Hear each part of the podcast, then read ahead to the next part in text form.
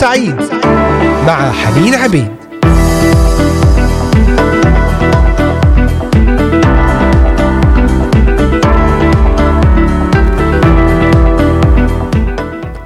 أهلا وسهلا بكم أحبائي المستمعين والمتابعين لبرنامج نهاركم سعيد في هذا اليوم الثلاثاء. أرحب بكم من هنا من إذاعة صوت الأمل معكم حنين عبيد على الهواء مباشرة وحلقة جديدة من برنامج نهاركم سعيد. اليوم سنتحدث عن موضوع عمل الروح القدس كالمياه في تطهير وتقديس الإنسان. فتابعونا ورافقونا من خلال قناة اليوتيوب للبث المباشر إذاعة صوت الأمل وأيضا على تطبيقات الهواتف النقالة Voice of Hope Middle East وعلى موقعنا الرسمي voiceofhope.com أيضا نرحب بكم على صفحة الفيسبوك إذاعة صوت الأمل لكتابة تعليقات ومشاركات أفكار وطلبات صلاة. وعلى منصتي التليجرام والإنستغرام Voice of Hope وأيضا على منصة Pocket Cast ومنصة سبوتيفاي أهلا بكم جميعا. أحبائي تأملنا في حلقة الأمس في قصة نيقوديموس وحديث الرب يسوع المسيح له المجد معه حيث قال له ينبغي أن تولد من فوق وثم فسر له هذا ينبغي أن تولد من الماء والروح. ومدهش جدا هذا التحول الذي حدث لنيقوديموس ففي الأيام الأولى لكرازة الرب يسوع وبينما كان اضطهاد الفريسيين ورجال الدين له لا يزال ضعيفا في طور البداية وكان نيقوديموس الفريسي خائفا من مقابلة الرب علنية فأتى إليه مختبئا تحت جنح الظلام. وهذا ما نقرأه في إنجيل يوحنا الأصحاح الثالث. أما بعد أن بلغ الاضطهاد ذروته واقتادوا الرب يسوع إلى الجلجثة ليصلبوه لم يصبح نقديموس خائفا ولم يخبئ علاقته بالرب. أظهر ومعه يوسف الرامي شجاعة فائقة وعدم اكتراث بالخطر البالغ الذي سيتعرضان إليه. أخذا جسد الرب يسوع ولفاه بأكفان مع الأطياب ثم وضعاه في قبر جديد حيث لا يطرحه الجنود في وادي النوم. المكان المخصص هناك حيث اعتادوا أن يطرحوا جثث المصلوبين. بهذا العمل الجريء أعلنا أمام الجميع خروجهما من عضوية المجمع وانفصالهما عنه وتحديهما له بإظهار ولائهما للرب يسوع بعد موته. فما سر هذا التحول؟ ما سر هذا التحول الذي حدث لنيقوديموس؟ من شخص خائف حين كان الاضطهاد ضعيفا في بدايته إلى شخص آخر شجاعا جسورا لا يحتسب للخطر وقت أن صار الاضطهاد في ذروته. في المناسبة الأولى يختلف نقوديموس عن المناسبة الثانية. تغير وصار إنسانا جديدا ذا طبيعة جديدة. وهذا التغيير هو ثمرة لقائه بالرب يسوع الذي تم خفاء في الليل. حين حدثه الرب يسوع عن الميلاد الثاني الذي من الماء والروح. تجاوب نيقوديموس مع كلمات الرب يسوع فولد ثانية من الله بطبيعة جديدة استطاع بها أن يهزم خوفه من الاضطهاد. إذ مكتوب في رسالة يوحنا الأولى الأصحاح الخامس كل من ولد من الله يغلب العالم. والسؤال بأي طريقة كانت ولادة نيقوديموس من الماء والروح؟ هل المقصود الماء بمعناه المادي الحرفي سنتحدث اليوم عن المياه وعلاقتها بالميلاد الثاني. صلي أن يرافقك الرب بينما أنت تستمع إلى هذه الكلمات. يرافقك بروحه القدوس لكي لا تكون مجرد كلمات بل كلمات تلمس قلبك وتغير حياتك. لتشتاق أن تتقابل مع الرب يسوع الذي تقابل معه نقديموس وتغير من إنسان خائف يتبع الرب في الظلام في السر إلى إنسان يجاهر في تبعيته للرب. سنتابع الحلقة بعد هذه الترنيمة مع نادية منير. افرح يا قلبي بالخلاص. فاصل ونعود إليكم.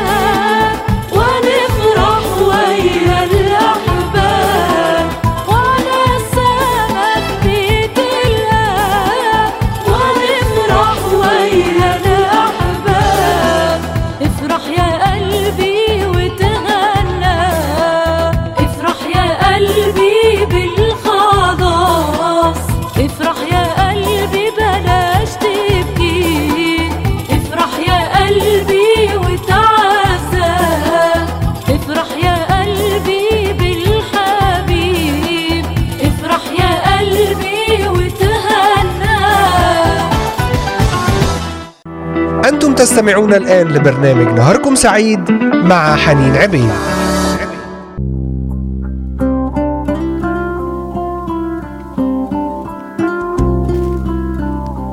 افرح يا قلبي بالخلاص. نعم أحبائي المستمعين أرحب بكم مرة أخرى. من هنا من إذاعة صوت الأمل وبرنامج نهاركم سعيد ضمن سلسلة أساسيات الإيمان.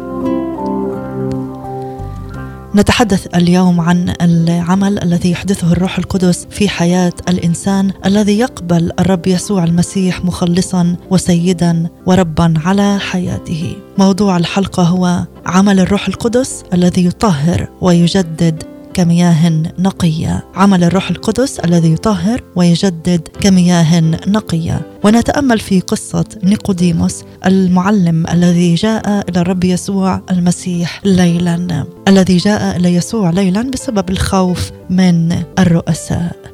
وذكرنا أن نيقوديموس في المناسبة الأولى الذي جاء إلى يسوع ليلا يختلف عن الولادة أو المناسبة الثانية. حيث كان واقفا مع الذين أخذوا جسد الرب يسوع المسيح بعدما صلب على الصليب لأنه ولد ثانية بطبيعة جديدة استطاع أن يهزم بها خوفه من الاضطهاد كيف كانت ولادة نقوديموس من الماء والروح؟ وذكرنا السؤال قبل الفاصل هل نقصد الماء بمعناه الحرفي؟ كلا فقال الرب يسوع لنقوديموس الحق الحق أقول لك إن كان أحد لا يولد من الماء والروح لا يقدر أن يدخل ملكوت الله هنالك خمسة أمور أساسية تعليقا على هذه الكلمات العظيمة. الأمر الأول النص اليوناني يسمح لنا أن نقرأ جملة من الماء والروح بترجمة مختلفة. فحرف الواو في اليونانية كاي يمكن ترجمته إلى كلمة even وبالتالي يمكن صياغة الجملة كالآتي من الماء أي الروح نلاحظ كلمتي الماء والروح في الأصل اليوناني غير مسبوقتين بحرفي الجر بل بحرف واحد مشترك وهو من. مما يسمح بفهم أن الماء والروح كلمتان مترادفتان في الجملة. اذا من الماء أي الروح بمعنى أن الروح هي تفسير للماء. والأمر الثاني قال الرب يسوع هذا التعبير من الماء والروح أي الروح وهو يتحدث إلى نقوديموس عن أمر مصيري. خلاصهم من الهلاك الأبدي ودخولهم ملكوت الله. لهذا لا يمكن أن يكون الرب قد استخدم تعبيرا مبهما ينطوي على كلمات صعبة الفهم. فالرب يحب نقوديموس جدا. لهذا يستحيل أن يكون قد تحدث معه بكلمات لا تشرح له بسهولة. ودون لبس كيف يخلص؟ فلو كان يقصد الماء فالماء الطبيعي لكان بكل تأكيد شرح له كيف يستخدم الماء مع الروح حتى يولد من فوق. إلا أن الرب يسوع لم يقل شيئا مثل هذا مما يقطع بأنه لم يقصد الميلاد من الماء بل استخدم الماء كوصف للروح القدس وهذا يتفق مع الترجمة من الماء أي الروح. وأيضا الأمر الثالث عندما أجاب نقوديموس على كلمات الرب قائلا كيف يمكن أن يكون هذا؟ أي الميلاد من الماء أي الروح؟ وبخه الرب يسوع قائلا أنت معلم إسرائيل ولست تعلم هذا؟ مؤكد أن الرب يسوع لم يكن ليوبخ نقوديموس على عدم فهمه للتعبير من الماء والروح لو لم يكن في استطاعة نقوديموس العارف بأسفار العهد القديم أن يفهم المقصود منه. حبائي سنعود لنتابع في الأمر الثالث والرابع والخامس بعد هذه الترنيمة. بختارك أنت يا إلهي. نعم عندما يولد الإنسان من جديد في طبيعة جديدة فإنه يختار الرب يختار طرقه يختار أفكاره. فاصل ونعود إليكم.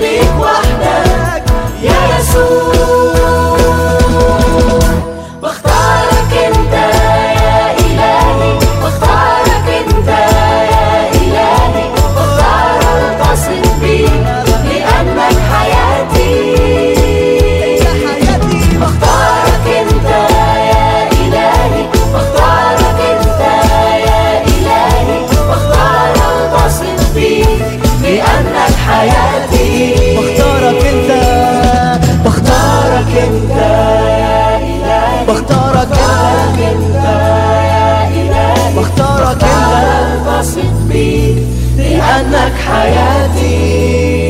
بختار يسوع. بختارك أنت إلهي. بختارك أنت يا إلهي. بختار التصق بيك. لأنك حياتي. لأنك حياتي.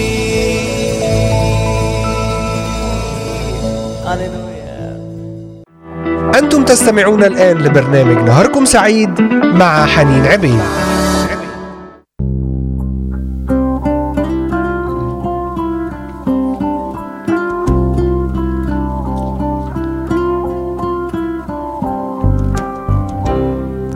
عدنا إليكم أحبائي المستمعين وبدأنا قبل الفاصل في التكلم عن خمسة تعليقات حول كلمات الرب يسوع المسيح العظيمة لنقوديموس حيث قال له الحق الحق أقول لك إن كان أحد لا يولد من الماء والروح لا يقدر أن يدخل ملكوت الله. فالكلمة اليونانية من الماء والروح من الماء أي الروح أي تعطي تفسيرا هي كلمة واحدة بمعنى واحد. كلمتان مترادفتان في هذه الجملة. الماء أي الروح. بمعنى أن الروح القدس يرمز إليه بالماء. وأيضا الأمر الثاني قال الرب يسوع هذا التعبير من الماء والروح وهو يتحدث مع نقوديموس عن أمر مصيري خلاصه من الهلاك ودخوله ملكوت الله. فلا يمكن أن يستخدم تعبيرا مبهما لا يستطيع نقوديموس أن يفهمه لكنه استخدم كلمات وتعبيرات مستخدمة من العهد القديم. وأيضا الأمر الثالث عندما أجاب نقوديموس عن كلمات الرب قائلا كيف يمكن أن يكون هذا؟ وبخه يسوع قائلا أنت معلم إسرائيل ولست تعلم هذا. لم يكن باستطاعة نقوديموس العارف بأسفار العهد القديم أن يفهم المقصود منه. كان سهلا عليه أن يفهم الولادة من الماء أي الروح على أنها ولادة الإنسان من روح الله الذي يعمل كالماء حيث ورد في المزمور الحادي والخمسين وأشعياء الأصحاح الرابع والأربعين وأرمياء الأصحاح الرابع عن هذه الأمور. عمل الروح القدس في التطهير. كان متوقعا من نقوديموس وهو المعلم أن يعرف أن الماء الذي ذكر في سفر أشعياء في وصف عمل الله في أحياء الإنسان في ولادته من جديد إذ يقول كما ينزل المطر والثلج من السماء يرويان الأرض ويجعلانها تلد هكذا تكون كلمتي التي تخرج من فمي. وأيضا في سفر حزقيال يقول عن الماء وصفا لتطهير الإنسان من نجاسته عندما يولد الولادة الجديدة. وأرش عليكم ماء طاهرا فتطهرون من كل نجاساتكم وأعطيكم قلبا جديدا. ولادة الإنسان من روح الله الذي يعمل كالماء فالماء يغسله من خطاياه ويطهره من نجاسته مثلما يغسل الماء الثياب المتسخة.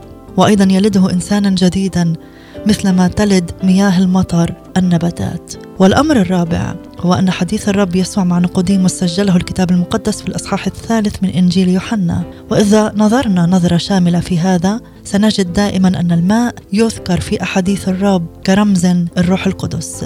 ففي الأصحاح الرابع يتحدث الرب إلى السامرية قائلا من يشرب من الماء الذي أعطيه أنا فلن يعطش إلى الأبد بل الماء الذي أعطيه يصير فيه ينبوع ماء ينبع إلى حياة أبدية. فهل قصد هنا الرب يسوع الماء بمعناه الحرفي بسهولة نقول أن الإجابة هي لا. فواضح أن الرب يسوع استخدم الماء في هذه العبارة رمزا لعمل الروح القدس في داخل الإنسان فهي تعطيه الارتواء والانتعاش والحيوية الدائمة. وفي الأصحاح السابع نسمع الرب يسوع ينادي الجموع المحتشدة في الهيكل في آخر أيام عيد المظال ويقول لهم إن عطش أحد فليقبل إلي ويشرب من آمن بي كما قال الكتاب تجري من بطنه أنهار ماء حي. مرة أخرى لا يقصد هنا بالماء بالمعنى الحرفي حيث يعلق إنجيل يوحنا قائلا قال هذا عن الروح الذي كان المؤمنون به مزمعين أن يقبلوه لأن الروح القدس لم يكن قد أعطي بعد. وهكذا بحسب هذه القصص من إنجيل يوحنا والتعليق عليها فإن أنهار الماء الحي هي رمز للروح القدس في تدفق ثمره ومواهبه من المؤمن إلى الآخرين. فإذا كان الرب قد استخدم الماء في هذين المقطعين في يوحنا الأصحاح الرابع ويوحنا الأصحاح السابع كرمز لعمل الروح القدس في إعطائه الحياة والانتعاش. فلماذا لا يكون استخدامه أيضا كرمز في حديثه مع نقوديموس؟ سنعود لنكمل بعد الفاصل. ابقوا معنا.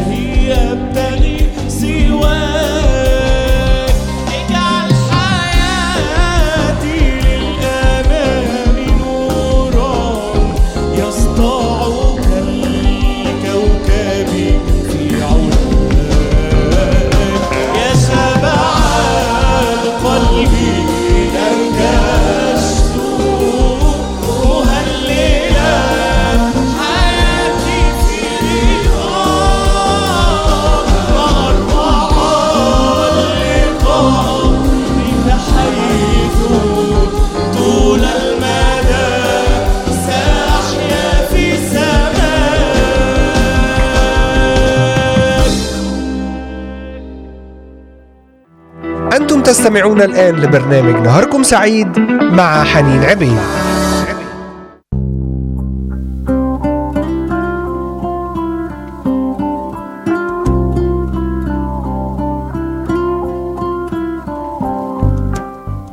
عدنا إليكم أحبائي المستمعين أرحب بكم في هذا البث الحي والمباشر. بإمكانكم الاستماع إلينا من خلال قناة اليوتيوب إذاعة صوت الأمل للبث المباشر وعلى تطبيقات الهواتف النقالة Voice of Hope Middle East معكم حنين عبيد على الهواء مباشرة وبرنامج نهاركم سعيد. وضمن سلسلة أساسيات الإيمان نتحدث اليوم عن عمل الروح القدس الذي يطهر ويجدد كمياه نقية.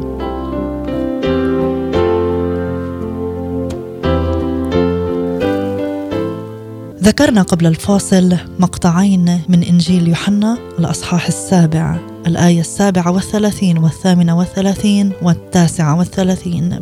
إن عطش أحد فليقبل إلي ويشرب من آمن بي تجري من بطنه أنهار ماء حي. قال هذا عن الروح القدس الذي كان المؤمنون به مزمعين أن يقبلوه. لأن الروح القدس لم يكن قد أعطي بعد. وهكذا فبحسب تعليق إنجيل يوحنا فإن أنهار الماء الحي هي رمز للروح القدس في تدفق ثمره ومواهبه من المؤمن إلى الآخرين. إذا كان الرب يسوع استخدم الماء في هذين المقطعين كرمز لعمل الروح القدس في إعطائه الحياة والانتعاش والحيوية ثم في تدفق عطاياه كالأنهار فلماذا لا يكون قد استخدمه أيضا كرمز في حديثه مع نقوديموس؟ في المقطع الثالث من إنجيل يوحنا في الأصحاح الثالث عشر يقص لنا الإنجيل عن قصة غسل الرب يسوع أقدام تلاميذه بالماء ونسمع الرب يقول لبطرس هذه العبارة الهامة جدا الذي اغتسل ليس له حاجة إلا إلى غسل رجليه بل هو طاهر كله. في الأصل اليوناني تختلف كلمتا اغتسل وغسل في أصلهما اللغوي فالأولى تأتي بمعنى يستحم اغتسال الجسم بكامله. أما الثانية فهي غسل جزء من الجسم. فالترجمة الأدق هي الذي اغتسل بالكامل ليس له حاجة إلا إلى غسل رجليه بل هو طاهر كله. فهل كان قصد الرب أنهم صاروا أطهارا لأنهم اغتسلوا في وقت سابق بالمياه؟ مطلقا لكن يحتاجون إلى التنقية من وقت إلى آخر بغسل أقدامهم بمياه. وهذا أيضا لا تذكره كلمة الله لأنهم فعلوا هذا ولو لمرة واحدة لكي يتنقوا. ليس بالمعنى الحرفي المقصود أن يغسلوا أقدامهم لكي يتنقوا. واضح وضوح اليقين أن الرب يسوع لا يقصد الماء بمعناه الحرفي المادي بل هو يستخدمه كرمز لعمل إلهي يحدث في قلب الإنسان. أعظم مفسر للكتاب المقدس هو الكتاب المقدس نفسه. إذا انتقلنا إلى الأصحاح الخامس عشر من ذات الإنجيل سنجد تفسيرا واضحا لما هو مقصود بالماء. جزء هام من حديث الرب لتلاميذه بعد أن غسل أقدامهم وبعد أن تركهم يهوذا الخائن. في هذا الجزء نسمع الرب يقول لهم أنتم الآن أنقياء. قد أكمل الرب قائلا لأنكم استحممتم بالماء أو لأني غسلت أرجلكم بالماء؟ كلا. بل قال بسبب الكلام الذي كلمتكم به. من هنا نفهم بوضوح شديد أن الماء الذي غسل به الرب أقدامهم لم يكن سوى رمزا لتنقيتهم بالكلمة. الروح القدس استخدم الكلمة التي سمعوها من الرب في جعلهم أنقياء. أحبائي لنضع هذه الحقيقة واضحة تماما نصب أعيننا ونحن نقرأ مرة ثانية كلمات الرب يسوع الذي اغتسل ليس له حاجة إلا لغسل رجليه بل هو طاهر كله. الكلمة الأولى تعني غسل كامل والثانية تعني غسل جزء من الجسم. ما هو توضيح الكلمة الأولى والثانية؟ سنعرف بعد الفاصل مع فريق الحياة الأفضل. هو ده ملكنا ابقوا معنا.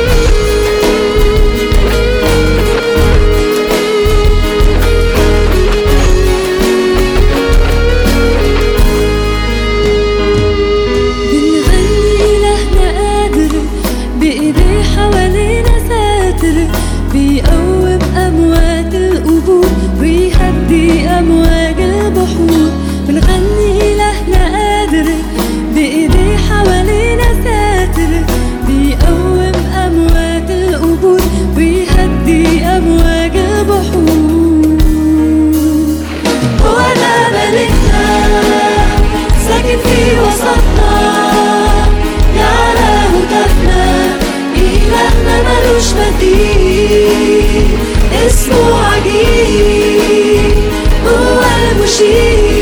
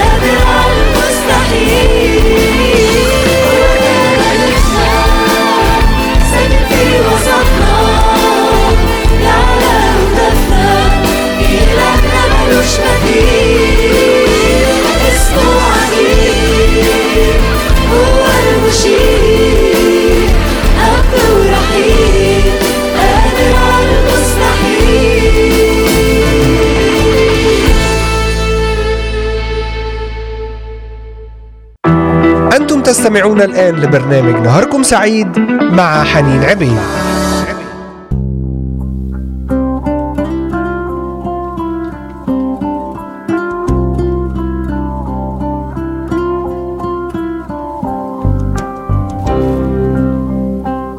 عدنا إليكم أحبائي المستمعين ونتحدث اليوم عن عمل الروح القدس في تنقية الحياة في تنقية القلب مساهمته في الولادة الجديدة. يقول الذي اغتسل ليس له حاجة إلا لغسل رجليه بل هو طاهر كله. عندما غسل الرب يسوع أرجل تلاميذه. نوعين من الاغتسال. الأول استخدمت له كلمة بمعنى الغسل الكامل والثانية تعني غسل جزء من الجسم. الرب يقول للتلاميذ قد اغتسلتم بالماء ولا يمكن أن تكرروا هذا الاستحمام أو الاغتسال مرة أخرى. فمتى حدث هذا الاغتسال الشامل؟ لا شك عندما تقابل كل منهم مع الرب يسوع وآمن به لحظتها غسلهم الروح القدس تماما من الماضي على حساب ما كان سيحدث على الصليب. على حساب كفارة الرب غسلهم الروح القدس ووهبهم الميلاد الجديد ليصير كل منهم بحسب تعبير الرب طاهر كله. وهبهم الميلاد الجديد. لهذا السبب أطلقت رسالة تيتوس على هذا الغسل الشامل أو الاستحمام تعبير غسل الميلاد الثاني أما الكلمة الثانية فهي أن التلاميذ بعد ميلادهم الثاني استمروا يحتكون بالعالم الآثم بحكم تواجدهم فيه وبين الحين والآخر كانت أتربة الخطية تأتي عليهم فماذا كان العلاج؟ هل يولدون مرة ثالثة؟ كلا الميلاد الثاني الذي جعلهم أطهارا هو حدث فريد لا يتكرر فيقول بولس في رسالته إلى تيموثاوس الذي اغتسل هو طاهر كله. الرب يقول إنهم محتاجون فقط إلى غسل أقدامهم والأقدام تتحدث عن سير المؤمن في العالم. وقدمتاه قدماه المتسختان رمز لتلوثه نتيجة لهذا السير. فأذهان التلاميذ وقلوبهم وليس أقدامهم المادية هي التي تحتاج إلى التنقية من أثر هذه الأتربة. فليحدث هذا بغسل الأقدام بمياه تسكب عليها. كلا بل بمواجهة الروح القدس للقلب بالكلمة المناسبة لنوع الاتساخ الحادث. الروح يستخدم الكلمة في تنقية اتجاهات وأفكار ومشاعر المؤمن من أي أتربة واتساخ يحدث نتيجة سيره في العالم. أحبائي يستخدم إنجيل يوحنا دائما الماء في أحاديث الرب ليس بمعناه الحرفي بل كرمز لعمل الروح القدس. وأحد هذه الرموز هو غسل عندما يقبل الرب يسوع يصير طاهرا كله لأن هذا يحدث لحظة الميلاد كما تذكر رسالة تيتوس غسل الميلاد الثاني. هذا الاستخدام للماء في إنجيل يوحنا باعتباره رمزا للروح القدس هو أحد أسباب تفضيل ترجمة من الماء أي الروح. في حديث الرب يسوع مع نقوديموس من الماء أي الروح؟ هذا الاستخدام رمز للعمل عمل الروح القدس. فهل أدركنا أحبائي ماذا كان يقصد الرب حين قال لنقديموس إن كان أحد لا يولد من الماء أي الروح لا يقدر أن يدخل ملكوت الله؟ فالروح القدس يغسل الخاطئ يغسله على حساب كفارة الصليب ولا يغسله فقط بل يحييه ويلده كالماء الذي يجعل الأرض تلد. غسل الخاطئ غسلا شاملا من كل الماضي. عند الميلاد الثاني عند قبوله الرب يسوع وعمل النعمة. وثانيا بغسله اليومي للمؤمن من التلوث الحادث نتيجة لاحتكاكه بالعالم مستخدما الكلمة. وشرح الرب يسوع أيضا لنقوديموس كيفية الولادة الثانية. نقرأ من الماء والروح من الماء أي الروح. وقال كما رفع موسى الحيه في البرية هكذا يرفع ابن الإنسان. فالطريقة للولادة الجديدة هي النظر إلى يسوع الذي علق على الصليب مثلما علقت الحية النحاسية. وهذا طبعا بالإيمان. الإيمان بما تقوله الكلمة عن الرب أنه المخلص. أن يؤمن نقوديموس بالرب الذي يتحدث إليه ويضع ثقته فيه أنه المخلص. كما وضع الذين لدغتهم الحيات ثقتهم في النظر إلى الحية النحاسية. وهذا أمر في استطاعة نقوديموس.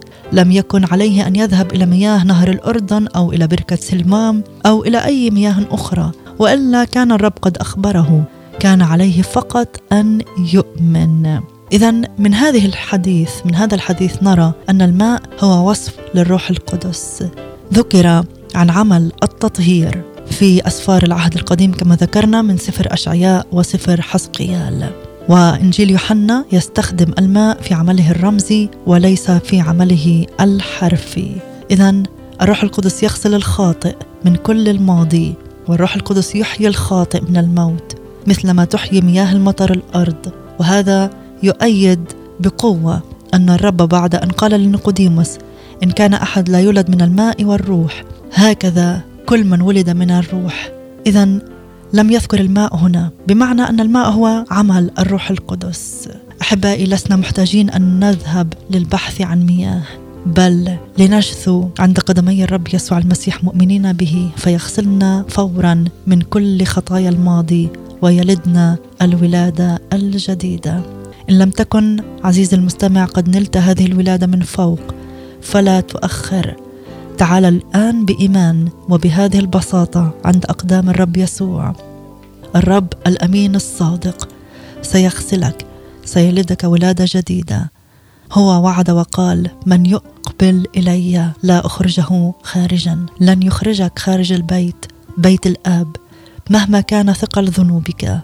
ستولد من الروح القدس ابنا لله تنضم إلى عائلة الرب يسوع. تبقى في بيته لتحيا كملك وبلا رماد الخطية. آمين. هذا كله على حساب النعمة على حساب ما فعله الرب يسوع من أجلنا. قل له يا رب آتي إليك أنا الخاطئ. طهرني اغسلني من خطيتي. قلبا نقيا طاهرا اخلق في يا الله. وروحا مستقيما جدد في داخلي. اغسلني من خطيتي. طهرني من إثمي اغسلني بالماء ماء الكلمة. نقيني اغسلني كلي. أولدني من جديد. أقبلك مخلصا وسيدا في حياتي. أفتح قلبي لك أسلمك أيامي القادمة. لتكون ملكا وربا. أشكرك لأن لي حياة أبدية في ابنك يسوع. يا رب كل من صلى هذه الصلاة احفظ واختم على عملك بالروح القدس سدد كل احتياج لشعبك. أيا كان أنت قلت اسألوا تعطوا اطلبوا تجدوا اقرأوا يفتح لكم. نشكرك يا رب على نعمتك التي تجددنا وتغسلنا وتطهرنا. لك المجد والكرامة إلى الأبد. آمين. أشكركم على حسن المتابعة والإصغاء. تابعونا غدا في حلقة جديدة لنكمل في سلسلة أساسيات الإيمان وموضوع جديد. فتابعونا عند الواحدة بتوقيت الأراضي المقدسة من إذاعة صوت الأمل. وأترككم مع ترنيمة لبيتر جمال زكي كل منظر عمل النعمة. هذه محبتي وتحياتي كانت معكم حنين عبيد نهاركم سعيد. إلى اللقاء.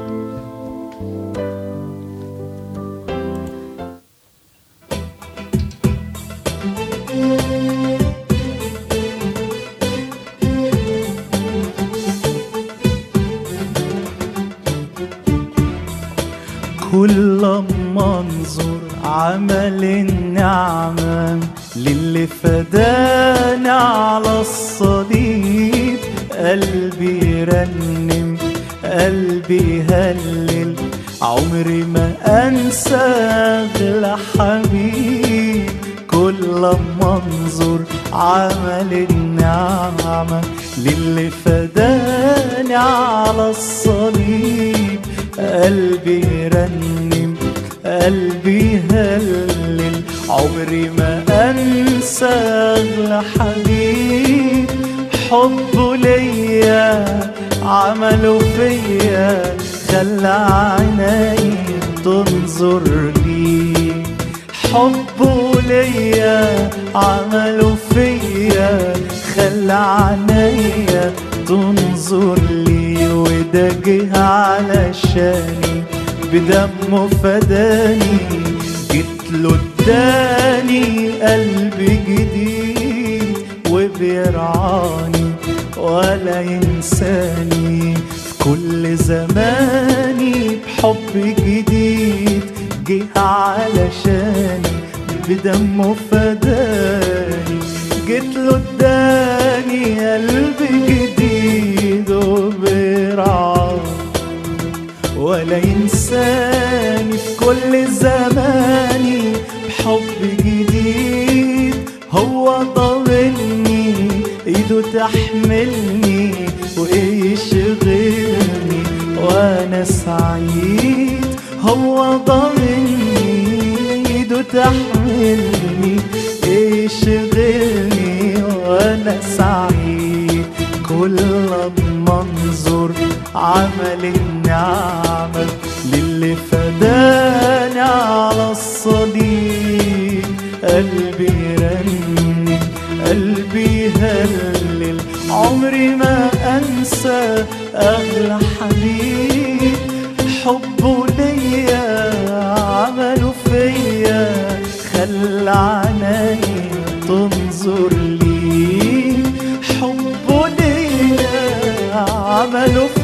فيا خلى عيني تنظر ليك طول اليوم. بستنى مجيئك وأقول يا رب تعالى آمين. ده أنت أمين في كل وعودك مهما طال الأيام وسنين طول اليوم استنى مجيئك. وأقول يا رب تعالى آمين ده أنت أمين في كل وعودك